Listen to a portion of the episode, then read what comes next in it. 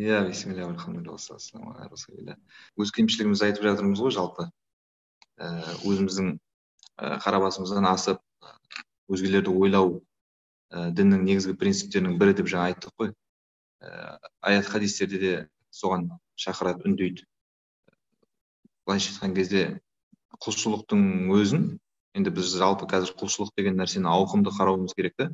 Ол тек намаз ораза ғана емес одан да басқа формалары көп енді құлшылықтың енді соларды жалпы алғанда екіге бөледі да ғалымдар біреусі жаңағы адамның өз басына ғана пайдалы құлшылықтар дейді. Екіншісі оны таадди өзге адамдарға да пайдасы тиетін құлшылық дейді да. Мысалы үшін айтатын болсақ намаз адамның тек өзіне ғана пайдалы. Оның жаңағы сауабы өзіне ол жаңағы көркем мінездерді жаңағы сол намаз арқылы үйренеді я болмаса құранда да айтты ғой жамандықтан құтқарады намаз ұятсыздықтан арсыздықтан деп. Сол содан аман болады деген сияқты қара басына былайша айтқан кезде пайдасы көп. Ә, ал зекетті алатын болсақ зекетті ол өзінен бөлек басқа адамға да пайдасы тиеді да сол сияқты екінші бір ә, жаққа пайдасы тиетін құлшылықтар былайша айтқан кезде сондайларды алла тағала қаттырақ жақсы көреді. Алла тағала қаттырақ ұнайды деген бір ғалымдардың сөзі бар да. Енді сол негізде жалпы басқаларға пайдалы болу мәселесі ғой біздің жаңа қозғап отырғанымыз. Ә, мәшһүр хадис жаңа бәріміз білеміз.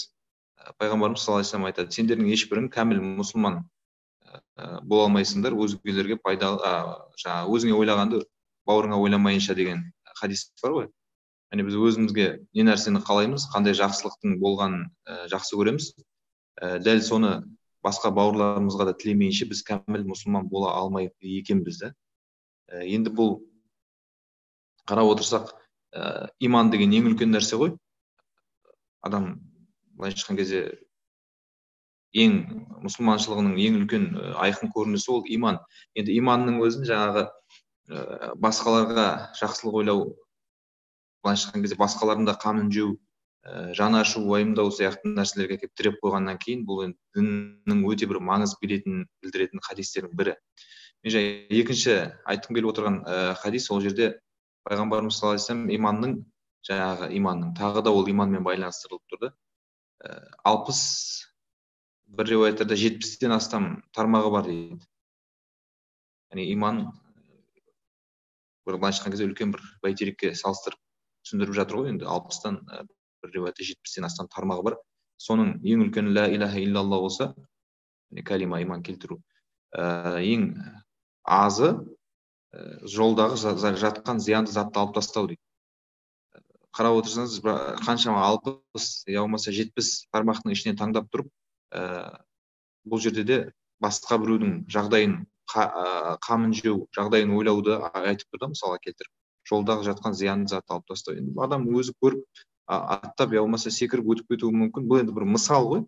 Ә, бірақ менен кейін келетін ә, адам артымдағы еріп жүріп келе жатқандар көрмей қалуы мүмкін ғой. Олардың да ә, жаңағы оларға да зиян тиіп кетпесін деген ниетпен сол нәрсені алып тастау ол ә, иманның жетпіс тармағының бір тармағы деп пайғамбар мысалға дәл соны таңдап отыр да. Бұл жерден де біз байқаймыз көреміз. Жаңағы өзгенің қамын жеу ә, яғни өзгелерге пайдалы болуды дін өте жоғары бағалайтын. Мен жалпы бармын ба? Тағы қатып қалған жоқ па? Жоқ жақсы бәрі нормально не өшіріп тағы қатып қалған шығар деген ғой. Енді қазіргі уақытта жаңағы үлгілі болу дегеннен үлгі болу дегеннен шығады ғой әңгіме. Қазіргі уақытта былайша айтқан кезде жастарды еліктететін ііі ертетін нәрселер көп қой. Ііі әсіресе мынау инстаграм бәріміздің отыратынымыз инстаграм енді. Баладан бастап шалға дейін өзім де инстаграмды қолданамын мысалы пайдаланамын. Өзім де инстаграмды қараймын. Ә, сондай болғаннан кейін ол жерде мәні жоқ мағынасы жоқ ыыы неше түрлі ұтыс ойындар мәні жоқ мағынасы жоқ жаңағы вайндар я болмаса тәрбиелік мәні аз тіпті тәрбиелік мәні жоқ керісінше бір ұятсыздыққа ііі бір көргенсіздікке апаратын сондай нәрсені насихаттайтын неше түрлі видеолар көп қой енді инстаграмда. Басқа да жерде. Былайша айтқан кезде адамның назарын аудартатын адамның бір көңілін бұратын нәрселер көп. Енді үлгі бол деген нәрсе енді жаңағы нәрсе сол өсіп келе жатқан өскелең ұрпаққа не көріп өсті жаңағы қазақ айтады ұяда не көрсе ұшқанда соны іледі деп. Өзінің сол көріп өскен сол болғаннан кейін ол оған былайша алдында пример жоқ та. Кезінде қалай болды? Ә, батыр керек па? Батырдан өзінің жаңағы нелер бар? Ә, тұлғалар бар? Ә, сол сияқты батыр болсам екен деген. Жырау керек па? Жыраудан тұлғалар бар. Яғни былайша айтқан кезде ұрпақ кімге қарап өсем деген проблема жоқ. Болған да бұрын. Ал қазір мысалы мен кімге қарап бой түзеймін мен кімге қарап өзімнің тұлғалық ә, бейнемді қалыптастырамын мен кімге қарап яғни былайша айтқан кезде өмірлік жолымды таңдаймын деген нәрсе сол жағы құлдырап тұр да. Бізде жаңағы зиялы ә, сондай бір ағартушы қайраткер ә, азаматтар жоқ емес бар. Бірақ соны жаңағы арт енді қатты айтсам кешіріңіздер жаңағы әлеуметтік желідегі мусор басып кетіп жатыр да былайша айтқан кезде. Енді соның өзін түзету мысалға үлгі болу деген енді сол ғой. Бұл контент дейміз енді. Контенттің өзін салиқалы етіп пайдалы етіп жаңағы ә, тәрбиелік ә, жағын көбейтіп ұстауға болады ғой мысалға да. Ә, сондай бір былайша айтқан кезде ә, көп керек емес артық зат бір толып жатқан бір әлемге бұл интернет қой инстаграмда да парақшаларыңыз бар ғой жаңағы үлгі, үлгі бол деген иә? Үлгі болайық деген ба? Ә, сондай бір артық нәрселердің кілең бір пайдасыз керек емес дүниелердің арасына кіріп ә, сол жерде пайдалы дүние ұсыну енді бұл сол бір иманның нағыз бағалы бір әрекеті бағалы бір көрінісі деп санаймын мен да осыған бір көп мән беруіміз керек еді. Ә, былайша айтқан кезде отызда орда бұзады дейміз ғой қазақта. Отыз жас деген үлкен жас қой енді. Сол кезде отыз жаста біз енді мен қазір қоғамға не істей аламын мен кімге қандай пайда бере аламын біз енді тек бүйтсем мына жерден мынандай табыс табамын андай табыс табамын деп тіпті ешқандай маған табыс әкелмейтін болса да материалдық тұрғыдан да бір тиын пайда әкелмейтін болса да мен есесіне ол жерде ә, біреуге жақсы сөзімді жеткіземін біреуге тәрбиелік жаңағы ә, ойымды жеткіземін деген сияқты бір пайдасы болса мен соны іздемесем яғни қай жерден мен солай өзімнің пайдамды тигіземін. Ә, мен қалай өзімді былай халықтың керегіне жаратамын деген бір ой болмаса біз былайша айтқан кезде иманның бір үлкен шартын орындамай жатырмыз деген сөз ғой менің айтқым келіп отырғаным сол кемшілік бізде өзімізде бар енді. Сіздерге көріп риза болып отырмын осындай бір жоба қолға алып отқандарыңызға. Алла разы болсын баршаларыңыздан маша алла ә, жалпы енді өзіңіз дін жолында жүрген ә, ұстаз болғаннан кейін енді барынша сұрақтарды сол ә, намаздағы бауырларымызға қарай бұрдық. Ә, соларға байланыстық деген сияқты. Қазір қоғамда шешілмей жатқан көптеген мәселелер бар ғой сол ә, намаз оқыған бауырларымыз қалай ә, енді соған байланысты өзіңіздің бір екі ойларыңызды айтып кетсеңіз деген ә, оймен енді қазір бір төрт бес сұрақ қойып өтейік ә, рұқсат болса ә, енді ар жағын қалған сұрақтарды басқа да бауырларымыз қойып жатар иә. Ә, жалпы ә, қазіргі қоғамның жағдайын білесіз. Қандай дәрежеде екенін ә, қаншалықты ә, ол қоғамның дамуына біз қаншалықты үлес қоса аламыз деген сияқты бір ә, іште бір ә, ой мазалайды соған байланысты бізде ә, намаз жолындағы барымыздың яғни намаз жолындағы жастардың ол ер, ер адам болсын қыз бала болсын осы қоғамдық орында өздерін қалай ұстау керек деген ауқымды бір үлкен ә, тақырып бар осыған байланысты өзіңіздің ойыңызды айтып кетсеңіз.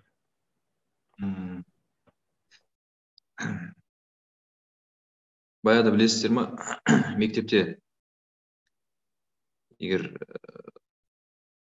апай мысалға ұстаз ағай болсын қосымша тапсырма береді. Хрестоматия деген кітаптар болды ғой. Негізгі әдебиеттен бөлек.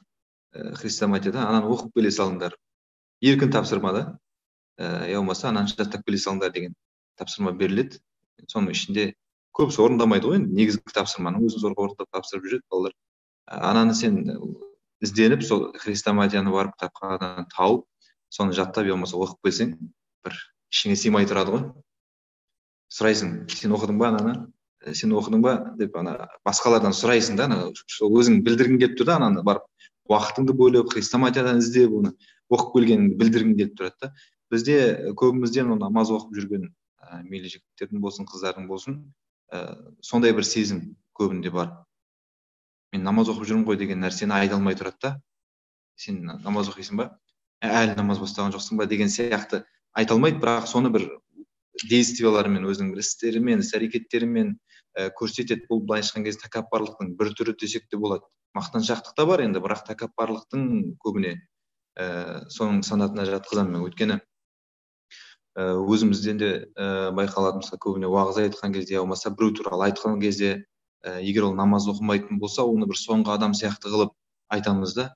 И оны сипаттаған кезде де ә, ол туралы бір айтқан уақытта да бір былайша айтқан кезде кішкене болса да жоғарыдан қарап тұрып айту несі бар. Ей олар деген деп былайша айтқан кезде кішкене өзін жоғары санау деген нәрсе бар. А оған не себеп болды? Былайша айтқан кезде өзінің парыз намазы да ол. Ол ол сенің мысалға былайша айтқан кезде мұсылман ретінде ол таңдауың емес ә, ол жерде саған еркіндік берілмеген ә, сен оны ә, мұсылман ретінде орындауға міндетті амалсың. Онсыз да да онсыз да. Ал енді соны бір үлкен бір жетістік көріп ә, соны бір үлкен ә, ерлік санап сол үшін өзіне бір үлкен абырой беріп ә, соның себебімен басқаларға жоғарыдан қарау осы бір адам өзі байқамауы да мүмкін. Ә, оны бір жаңағы олай істеп жүрмін деп білмеуі де мүмкін. Ә, міне осындай нәрседен арылсақ сол жақсы болар еді. Біздегі бір кемшілігіміз тағы осы. Мен намаз оқыдым деп бәрін қатырғандай басқаларды жаңағыдай жерге жығу ол дұрыс емес. Оны жаңағыдай бір іс әрекеттерімізден көрсетеміз да. Сол басқасын білмеймін енді. Көркем мінез өз алдына ғой.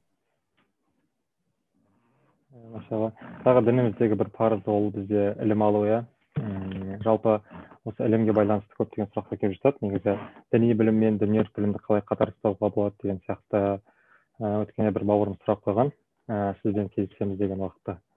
Сол жайында айтып кетсеңіз шамалы. Енді оны діни жалпы ғалымдар айтады мен оқыған кітаптарда келеді. Ә, діни дүниеуи деп ә, бөлу о баста болған жоқ дейді. ә, алғашқы ғасырларда ә, тіпті мынау алғашқы медреселерде діни оқу орындарында ондай діни білім мынау дүниеуи білім деген нәрсе болған жоқ. Кейін ә, былайша айтқан кезде мұсылмандарды бір светский көзқараспен қараған кезде ол бір дүниеден қалып қойған қараңғы шамалы мәңгүрттеу етіп көрсету үшін солай ә, сендер өздерің тек мына нелеріңді ғана дәрет намаздарыңды ғана оқыңдар. Мына басқа дүние дүниеуи ілім ол дүниеуи ілімді оқымаңдар деген сияқты бір нені оккупация кезінде жасалды дейді оны кейбір ғалымдар. Отарлау кезінде ә, солай мұсылмандарды былайша айтқан кезде топастандыру үшін ә, сондай бір әрекеттер жасалған қолдан дейді. А былайынша қарасақ бұрын мысалға сахабалардың әрқайсысы ә, дүниеуи ілім деген енді мамандық қой мысалға бір сала. Өзінің ә, білімімен қоса риуаят хадисімен қоса бірнеше саланы меңгерді. Абу бәкір мысалы шежірені қатты білді дейді. Абу бәкір шежірені қатты білді дейді радиаллаху бүкіл арабтың шежіресін кімнің қай рудың қайдан шығатынын кімнен тарайтынын бәрін біліп отыр дейді. Ол мысалға дінге қатысы жоқ қой. Қарап отырсақ бір діннің парызы емес. Бірақ ол білім. Пайғамбарымыз саллаллаху оған ешқандай бір не айтқан жоқ. Сен не бұнымен айналысып жүрсің неге бұған уақытыңды құртып жүрсің. Бұл деген дүние ғой дүнияуи ғой деген сияқты. Сол сияқты басқа да сол уақытта ә, кең тараған арабтардың арасындағы кең тараған медицинаның түрлері болды мысалы иә. Соны игерген меңгерген сахабалар болды. Ә, оған да пайғамбар еш нәрсе айтқан жоқ. Сол сияқты бізде мынандай бір ой болмау керек бұл пайдасы жоқ. Мен одан да анау бір мақала шықты ғой. Ә, оқыдыңыздар ма? Қай газет қай сайтқа шыққанын ұмытып қалдым. Ә, мектеп оқушысы. Торайғыровты оқығанша мұхаммед пайғамбардың өмірбаянын оқымаймын ба? деп ә, сабақ оқудан бас тартты сөйтіп апай ұстазына қарсы шықты деген бір мақала шықты енді мектептердің біреуінде осы қазақстандағы. Ә, сондай бір түсінікті былайша айтқанда ондай нәрсе болмау керек. Ол енді бізге сырттан енгізілді. Ол біздің кінәміз жоқ. Бізге дейін ол мұсылмандардың санасына енгізіліп қойған түсінік енді. Одан жалпы қоғам көзі ашылған сайын мына діни сауаттылықтың деңгейі көтерілген сайын ә, адамдар өздері жаймен арыла беру керек та ондай нәрседен. Ә, дін деген дүние деген нәрсе жоқ барлық білім ол парыз. Ал тіпті керек болатын болса ридо дахиқи деген ұстазымыз болды бізде. Университетте мысырлық ұстаз. Сол аяттардың нелеріне тоқталады. Қазір де өзінің фейсбук парақшасында ол кісі араб, араб тілінде жүргізеді просто әр аяттың сырларына тоқталады құрандағы. Әр сүреден таңдап отырып сондай аяттарға тоқталып бір екі сабақ өткізіп сөйтіп эфирлері бар сондай.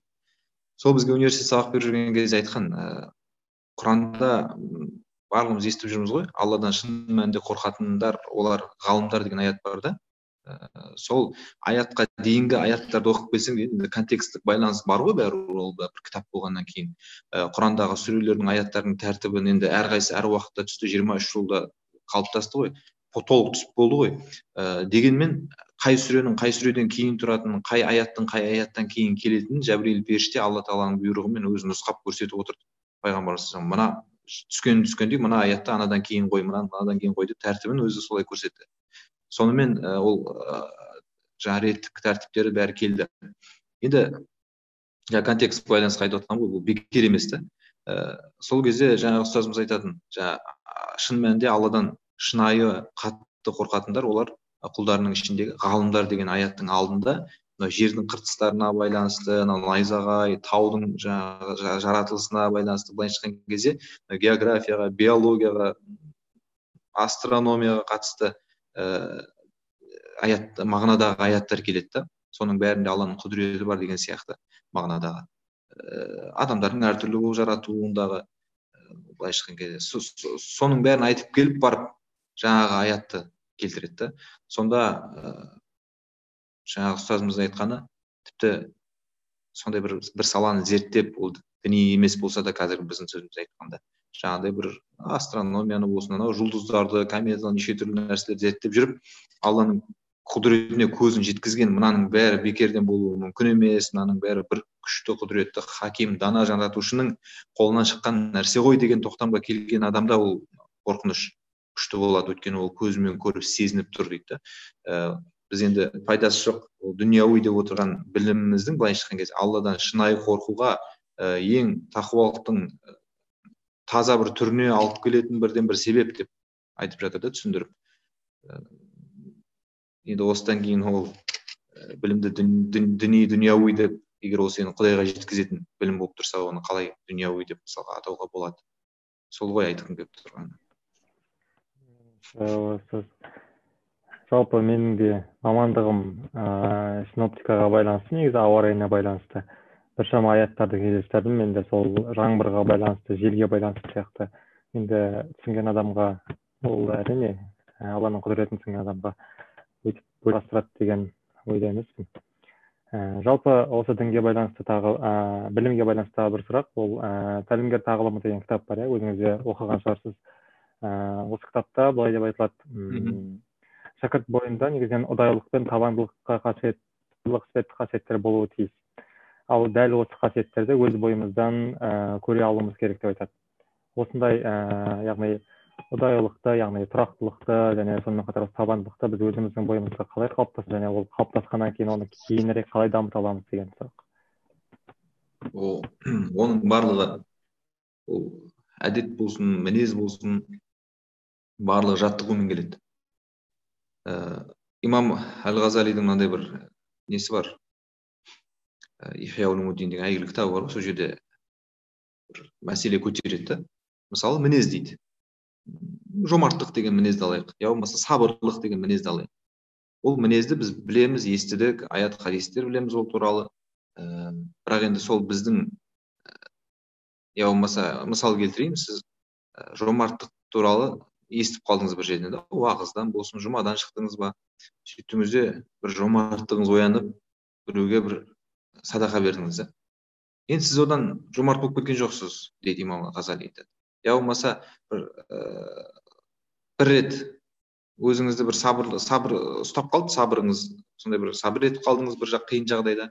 Сіз одан сабырлы болып кеткен жоқсыз. Яғни жаңағы мінез сіздің сипатыңызға айналған жоқ әлі дейді сіз бір рет өзіңізді жеңдіңіз просто дейді ал енді ол қашан ә, сіздің мінезіңізге айналады ол тәдриб яғни жаттығуды талап етеді дейді. Ол хулух дейді. Мынау мінез болса тәдрибун хулух дейді. Ол мінезге жаттығу өзін сондай жаттығу арқылы келеді да. Мысалға ә, қазір бір уақыттың құндылығы туралы ә, бір кітап оқып я болмаса бір мақала оқып сөйтіп бір күн азаннан кешке дейін уақытыңызды кәдімгідей тиімді пайдаланып өте оған ұқыпты қарап үнемдесеңіз сіз одан бір сондай сондай мінездегі сондай характердегі адам болып кеткен жоқсыз ғой.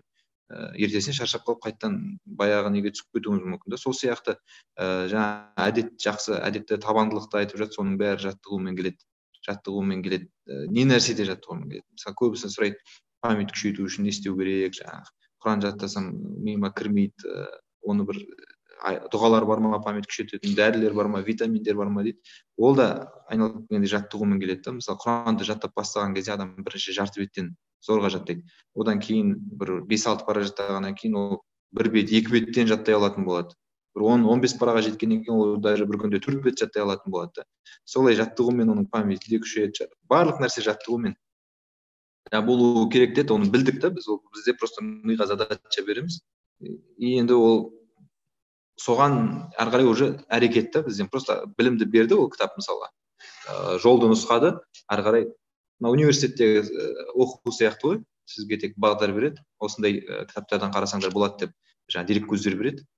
Ары қарай өзің ізденесің ізденсең ізденбесең қалады да өзіңе байланысты былайша айтқан кезде. Ешкім айта алмайды. Ой мен оқыдым ол университетте ол білім бере алмайды деп мысалы ешкім айта алмайды да. Ол бағыт береді білім емес сондай сияқты ғой.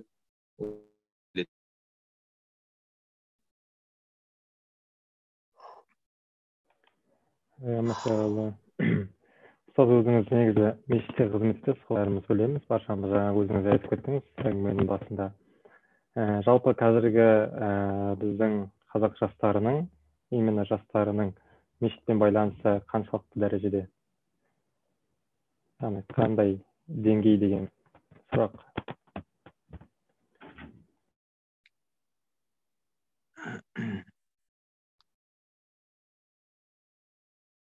мешіт енді жастарының деп отырсың ғой енді.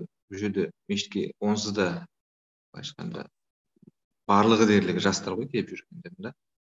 Ііі мешітке деген көзқарас та қазір өзгеріп жатыр. Мысалы бұрынғы біздің алдымыздағы поколение мысалы біздің әке шешелеріміз ііі соның замандастары олар мешітке қалай қарады? Барып құран оқытып кететін бір жер я болмаса сондай жаназа шығаратын орын ііі сондай бір көзқараспен қарады енді ол да ол уақыттағы білімнің діни білімнің деңгейі енді кеше ғана жарты өмір совет үкіметінде өткен адамдар ғой енді. Ііі сондай бір мешіттің функциясын былайша айтқан кезде өте бір шектеулі формада елестететін еді ол кісілер да ал қазір мысалы жастар мешітке келіп жүрген ол мешіттің көп функциялы екенін мешітте тек қана әшейін барып құран оқытып кететін ғана жер емес ол жерде жамағат намаздары уағыздар сабақтар ііі мешітте әртүрлі кездесулер іс шаралар өтетін былайша айтқан кезде мешіттің қызметі өте ауқымды екенін өте жақсы түсінеді қазір мысалы жастар. Ііі мешітпен байланысты мысалы мешіттің қызметкерлерімен байланысы өте бір кәдімгі өзінің бір университеттегі сабағына барып келіп жүргендей бір еркін сезінуі мысалы жастардың сол нәрселер байқалады қазір ол бір өте жақсы нәрсе. Мешітке жүрегі байлану деген нәрсені көтереді ғой пайғамбар хадистерде де. Мешітке жүрегі байланған адам деп жаңағы жеті адамның біреуіне қосады ол да бір адамды құтқаратын адамның құтылуына себеп болатын бір үлкен нәрсе ғой. Екінші үйі ғой былайша айтқан кезде. Солай солай болуы да керек та өзі соған айналу керек. Өйткені пайғамбар бір хадисінде келеді. Басқа бір риуаятта байту муслимин әр мұсылманның үйі дейді да мешіт деген. Кәдімгі үйіңіз сияқты еркін келіп кететін сондай еркін араласып өзіңізді бір еркін сезінетін сондай бір жер болу керек. Қазір сол нәрсе бар жалпы жастарымызда. Жалпы білім жағына қайтадан айналып келейік. Ә, жалпы ә, қазіргі кезде ә, қоғамдағы намазхан намаздағы бауырларымыздың саны қатты жоғары деп айтуға шамалы ә, келіңкіремейді өйткені өзінің ә, қалай айтсақ болады толықтай қорғай алмайды. Ол жаңағы орамалдағы әпке қарындастарымыз болсын деген сияқты. Соған байланысты бір кішігірім мотивация сізден мен енді бұл мәселе мені де ойландырған мен оның әртүрлі себептерін көрдім да. Ә, бір себебі комплекс. Адам енді діни бір имани мынау бір рухани күші бар ғой өзінің ішіндегі. Сол сондай бір күшті болмағаннан кейін ода бір комплекс болады. Намаз оқып жүрген кезде өзін бір отсталый адам сияқты сезіну ол енді ол да бір сырт мысы ғой енді ана көпшілік ол, өзі азшылықта жүргеннен кейін бір жан жақтан бір мыс басады оны да. Оның үстіне сосын өзінің ортасы бар да бұрынғы мысалы әрқайсысының ә, намаз оқыған намаз бастаған жігіттің де намаз бастаған қыздың да бұрынғы ортасы бар. Олар әлі намаз оқып жатқан жоқ я болмаса дінге өте бір көзқарастары жақсы емес. Олардың да жан жақтан жаңағы сөздері да сөздері бар. Ой не тақуа болып кеттің ба деген күнгі бір неде эфирде қозғадық қой. Ол ана жаңағыдай ол да бір оны бір қуыстандырады жан жақтан басады да. Ә, сол нәрсе ал керісінше ә, құранда алла тағала айтады егер мүмін болсаңдар ең жоғарғы сендерсіңдер дейді ең жоғары адам сендерсіңдер дейді егер мүмін болсаңдар дейді. Былайша айтқан кезде мұсылманшылық ә, мейлі намазға жығылу намазхан болу да былайша үлкен бір ә, алланың алдындағы абырой да алланың алдындағы абырой. Ә, сондай болғаннан кейін енді енді әртүрлі оймен болады ғой адамдар. Намаз ұялады көпшілік көбіміз көбіміз айтайын көпшілік жерде намаз оқуға жолда ә, мысалы автобуста намаз оқуға деген нәрселерге ұяламыз көбіміз. Ол жерде бір орын болмай қалғаннан я болмаса ә, сыймай қалғаннан емес ана жан, қасыңда адам отырғаннан ә, басқалар көріп тұрғаннан ыыы қысыламыз ұяламыз. Ә, былайша айтқан кезде мысалға біреу ә, тоқтап үзілісте бір жерде остановкада болсын темекі шегіп тұрған кезде ол ешқандай ұялмайды ғой өзімнің әдетім. Ыыы кәдімгі мен былайша айтқан кезде кәдімгі бір іс әрекет деп қарайды. Ал ә, намаз оқыған кезде бізде керісінше қойшы адамдар жүр мына жерде деген сияқты үйге барып оқи саламын деген сияқты нәрселер болады. Оның бәріне көп көбіне жаңағы комплекс себеп комплекс. Ә, енді не үшін дейсіздер ғой енді ше оған қазір енді көп әртүрлі білімді неше түрлі ә, жігіттер білімді жастар сондай бір оққан азаматтар ә, намазға жығылып жатса солар көбірек намазға келіп жатса ода керісінше жаңа комплекс кетеді. Өйткені ол жан жағына қарайды. Өзім сияқты былай оқымаған әйтеуір ілініп салынып жүрген біреулер ғана намаз оқып жүр. Намаз демек сондайлардың ғана бір ісі сияқты деген бір ой болады ғой енді ойдың түбінде. Ал керісінше бір жаңағы ә, елдің алдында жүрген халықтың алдында жүрген азаматтар сондай бір ә, білімді сондай бір жетістіктерге жеткен біраз сондай жастар намазға келіп жатса оған бір кішкене демеу болады да ол. Былайша адам енді солай ғой жаратылысы солай ғой. Жан жағына қарайды ыыы басқалар не дейді жұрт не істеп жатыр деген нәрселер ол ойында болады. Меніңше жаңа сіз айтқан құқығын қорғай алмау ә, өзін бір намазхан ретінде соны бір еңсесін көтеріп жүре алмау ә, соған бір осы нәрсе себеп болатын сияқты.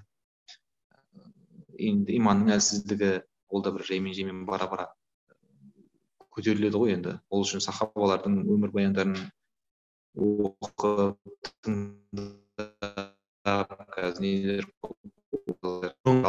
исламды көтеріп кетті ғой адам ә, тарихта ә, ең шыңдарға шығарып кетті да енді солардың ә, өмірлерінен үлгі алып солардан ғибрат алу ол мотивацияның көкесі сол деп ойлаймын мен енді сіз айтып отқан дасан аға менің бір сұрағым бар еді. Рұқсат етсеңіздер. Ә, қаза намаз жөнінде не айта аласыз? Мысалы біз намазға дейінгі енді ә, мысалы бауырларымыз бар кейбір бауырларымыз енді түсініп жатқанбыз. Өзіміз де мысалы ә, намазға дейінгі мысалы балиғат жасынан бір ә, қалып кеткен қаза болған намаздар болады ғой жаңағы. Ә, сол намаздарды өтеу керек па? Оны қалай өтеуге болады немесе? Қаза қылып қойған өткен өміріңдегі қаза болған намазға сол жайында не айта аласыз? жақсы. Бұл жерде таклиф деген нәрсе бар да шариғатта. Таклиф деген ол адамның мойнына жауапкершілікті жүктеу міндеттер. Соның ішінде намаз да бар. Енді бұл таклиф былайша айтқан кезде бір жаза сияқты шаралар емес та ол. Мысалға сізге айтайық бір он күн үйде отырасың деген сияқты. Жаза берсек ііі сіз бір күн шығып кетсеңіз далаға ана бір күн қайтадан отырасың сен оны он күнге толтырасың деп ә, жасауымыз керек та өйткені біз сізге шара қолданып отырмыз бұл бір жаза да ә, бірақ жаңағы жауапкершіліктер намаз болсын ә, басқа да ә, амалдар болсын ол ондай емес. Ол керісінше мысалға қаза деген не? Қаза деген жаңағыдай мәжбүрлеу емес ол. Көбіміз сөйтіп түсінеміз. Қаза деген ол сен оқымадың ба? Давай онда ана басқа күн қайтадан оқисың оны деген бір ә, мәжбүрлеу емес ол. Қаза деген ол мүмкіндік. Мысалға ол сізге керек болған үшін мүмкіндік деп отырмын да. Мысалы сіз айтайық былай басқа бір мысал келтірейін. Сіздің тұрып жатқан көшеңізде я болмаса сіз тұрып жатқан тұрғын үйде домда бір сондай бір науқан болды. Сол көшеде тұрып жатқан әрбір тұрғынға айтайық осынша бір көлемде бір зат берілуі керек үкіметтен солай бөлінген. Ол сіздің ақыңыз да алуыңыз керек. Бірақ сіз ол уақытта сапарда болып қалдыңыз. Үйіңізде болмай қалдыңыз. Сіз оны басқа күні келіп алуыңызға болады. Өйткені ол сіздің ақыңыз. Сіз себептермен болмай қалдыңыз да. Бұл намаз сондай да сіз ә, намазды белгілі бір себептермен шариғат себеп санайтын себептермен жіберіп алдыңыз. Жарайды бағана ала алмай қалдың ғой жаңағы намаздың сауабын. Саған тағы бір мүмкіндік берейін. Сен соны кешке ма басқа уақытта қолың босаған кезде қазасын өте де ала қойшы деген сауап. Бұл алланың жолы өйткені мысалға бесін намазы. Ол айтайық болмаса асыр намазы.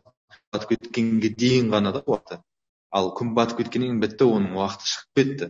Бұл уже асыр намазы емес. Бірақ алла тағала сіз сол уақытта оқитын мұршаңыз мүмкіндігіңіз болмады ғой деп соны ескеріп жарайды. Сен басқа кезде оқи сал деп рұқсат беріп отыр да. Сондықтан ә, бұл намазды біз қаза деп санаймыз. Ал енді ә, барлық ғалымдар айтады біздің абу ханифа мазхабының ғалымдары да әдейіге отырып оқымай қойса адам білді. Жай жүрді әшейін уақытты өткізіп жіберді. Онда ол қаза емес. Өйткені оның себебі болған жоқ. Оны мен келе алмай қалдым маған басқа бір мүмкіндік беріңізші деп сұрау ғой ол қаза а бұл жерде ол былайша айтқан кезде нагло оны жіберді ма ол қаза емес оған ондай мүмкіндік қайтадан өтеу мүмкіндік. Ол уже күнә.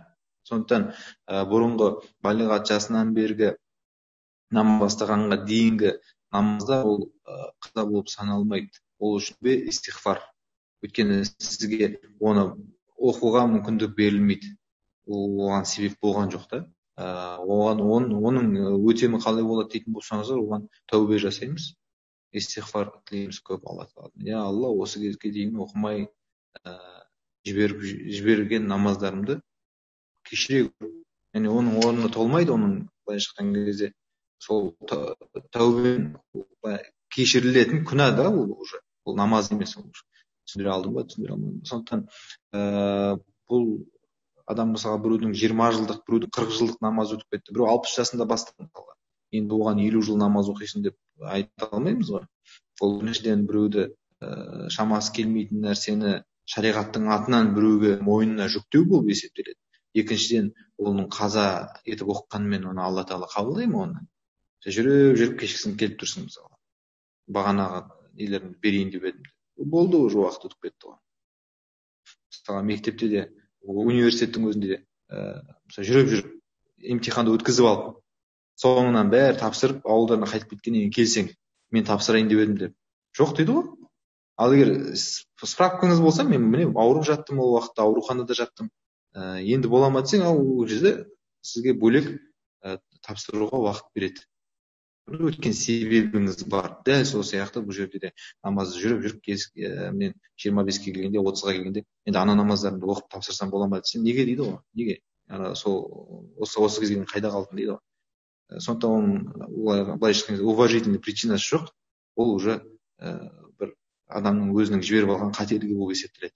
Сондықтан оған күнә ретінде қараймыз да оны тәубе истихфар жасаймыз. Алла тағаладан сол үшін кешірім тілейміз болды. Оның қазасын өтеуге шешім шығаратын оны біз емес солай жалпы рахмет алла разы болсын аға. Менде осындай сұрақ бар еді. Еліміз жайлы неше түрлі статистикалар бар? Мысалға суицидтан біз алғашқы ондықтың ішіндеміз. Развод бойынша алғашқы ондықтың ішіндеміз.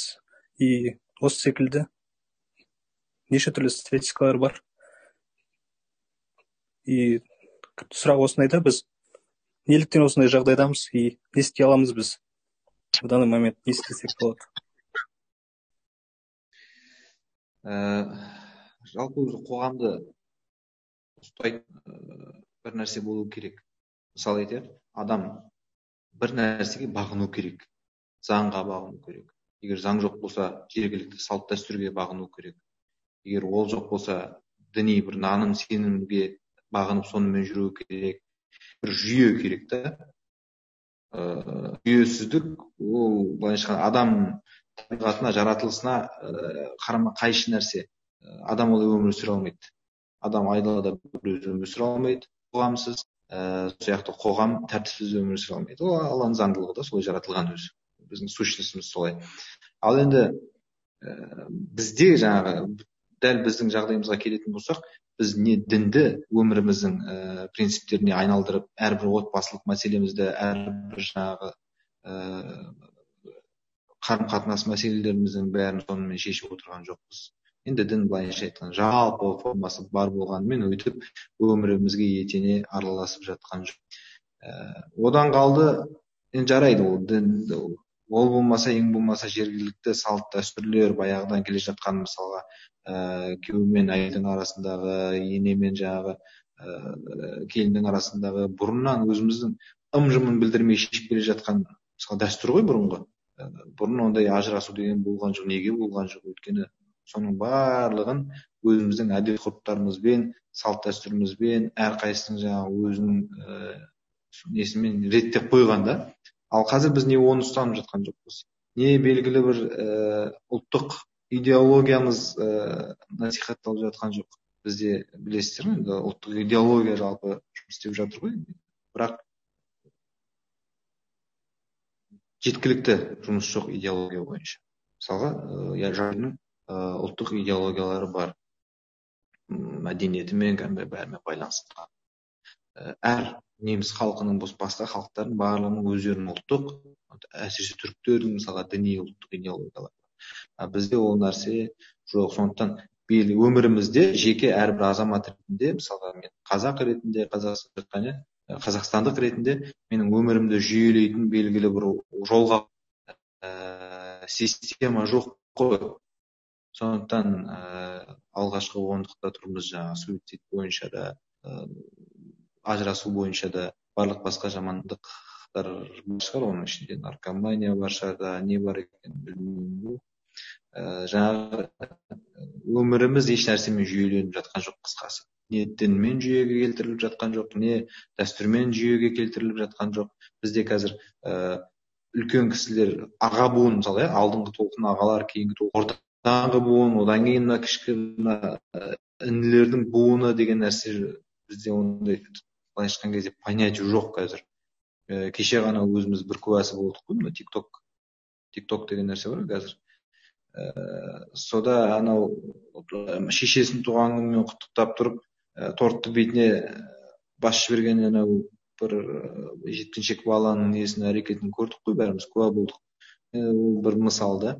Сондай ііі айтайық былайша айтқан кезде әркімнің өзінің орны бар ғой үлкен ақсақалдардың орны одан кейін аға буынның орны жас буынның орны деген ііі не жоқ бәрі былай былай болып кетті. Ал ол біздің дәстүріміздің реттеп берген ііі порядогі еді кезінде. Аға тұрғанда іні сөйлем үлкен тұрып кіші сөйлегеннен без деген сияқты өзіміздің дәстүрлік ұстанымдарымыз бар ғой мысалға. Ііі еркек тұрған жерде әйел сөйлемегені тіпті жиындарға мүлдем еркек әйелдің қатыспағандығы туралы өзіміздің мына тілдік ііі немізден байқауға болады. Осы казгуде оқып кеткен бауыржан мырзақұл деген ііі жігіт бар. Сол біздердің қатарлас оқыды біз нұр оқып жатқан кезде сол жылдарда оқыды. Қазақ әдебиетінде. Ақын жігіт танитын шығарсыздар.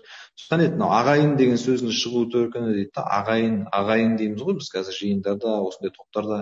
Неге ағайын деп айтамыз? Өйткені ол аға іні деген сөздің қосындысы дейді да ау аға іні аға іні деп өйткені жиындарда тек еркектер ғана болған ағалар мен інілер ғана болған бұл жерде жаңағы тәтелер апалар қарындастар деген нәрсе қыздар мен жігіттер нәрсе болмаған. Ііі жиын болғанда да ол жерде елдің тағдырын шешетін сондай бір шешуші маңызды отырыстар басқосулар шығар енді ол жерде. Сондықтан сондай бір не бұл әркімнің өзінің ііі возрастной мынау әлеуметтік ііі статустары жоқ та. бір үлкен үлкен емес кіші кіші емес болып кетті былайша айтқан кезде. Сондықтан өміріміз ешнәрсемен жүйеленіп жатқан жоқ соның кесірінен болып жатыр ғой қысқасы. Жаңағы нәрселер.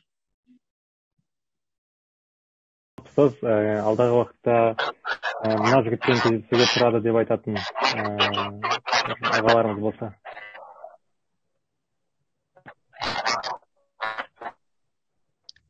Мынау неше жылдан бері жастар педагогикасы деген бағытты зерттеп келе жатқан жастар тәрбиесі деген бағытта жұмыс істеп келе ііі қазіргі докторлық диссертациясы да сол тақырыпта жазылып жатқан бір жігіт бар. Әбілқайыр мынау инстаграмда әбеке миллион деген аккаунтта отырады. Иә ол кісімен сөйлескенбіз негізі. Алла қаласа болады ол сонымен жан жақты өте білімді жігіт. Егер кездесуге келетін болса мен де араларыңызда көптің бірі болып қатысар едім ол кісіге. Жалпы жерлестерді тығасыз ол қызылорда алып болғасын не қылып жоқ. Қалдың қалдың мен білетін көзім көбісін енді мынау данияр жігітбек бар оны интернет арқылы ғана танимын былай өмірде көрген адам емес қой. Жаңағы де білемін ыыы былай жазысып ыыы жаңағы смс алмасып жүргеніміз болмаса өмірде көрмегенмін да әбілқайырмен сұхбаттасып бірге отырып жүріп сол көзіммен көргеннен кейін айтып жатқанмын ғой. Қалдың ғой жақсы онда.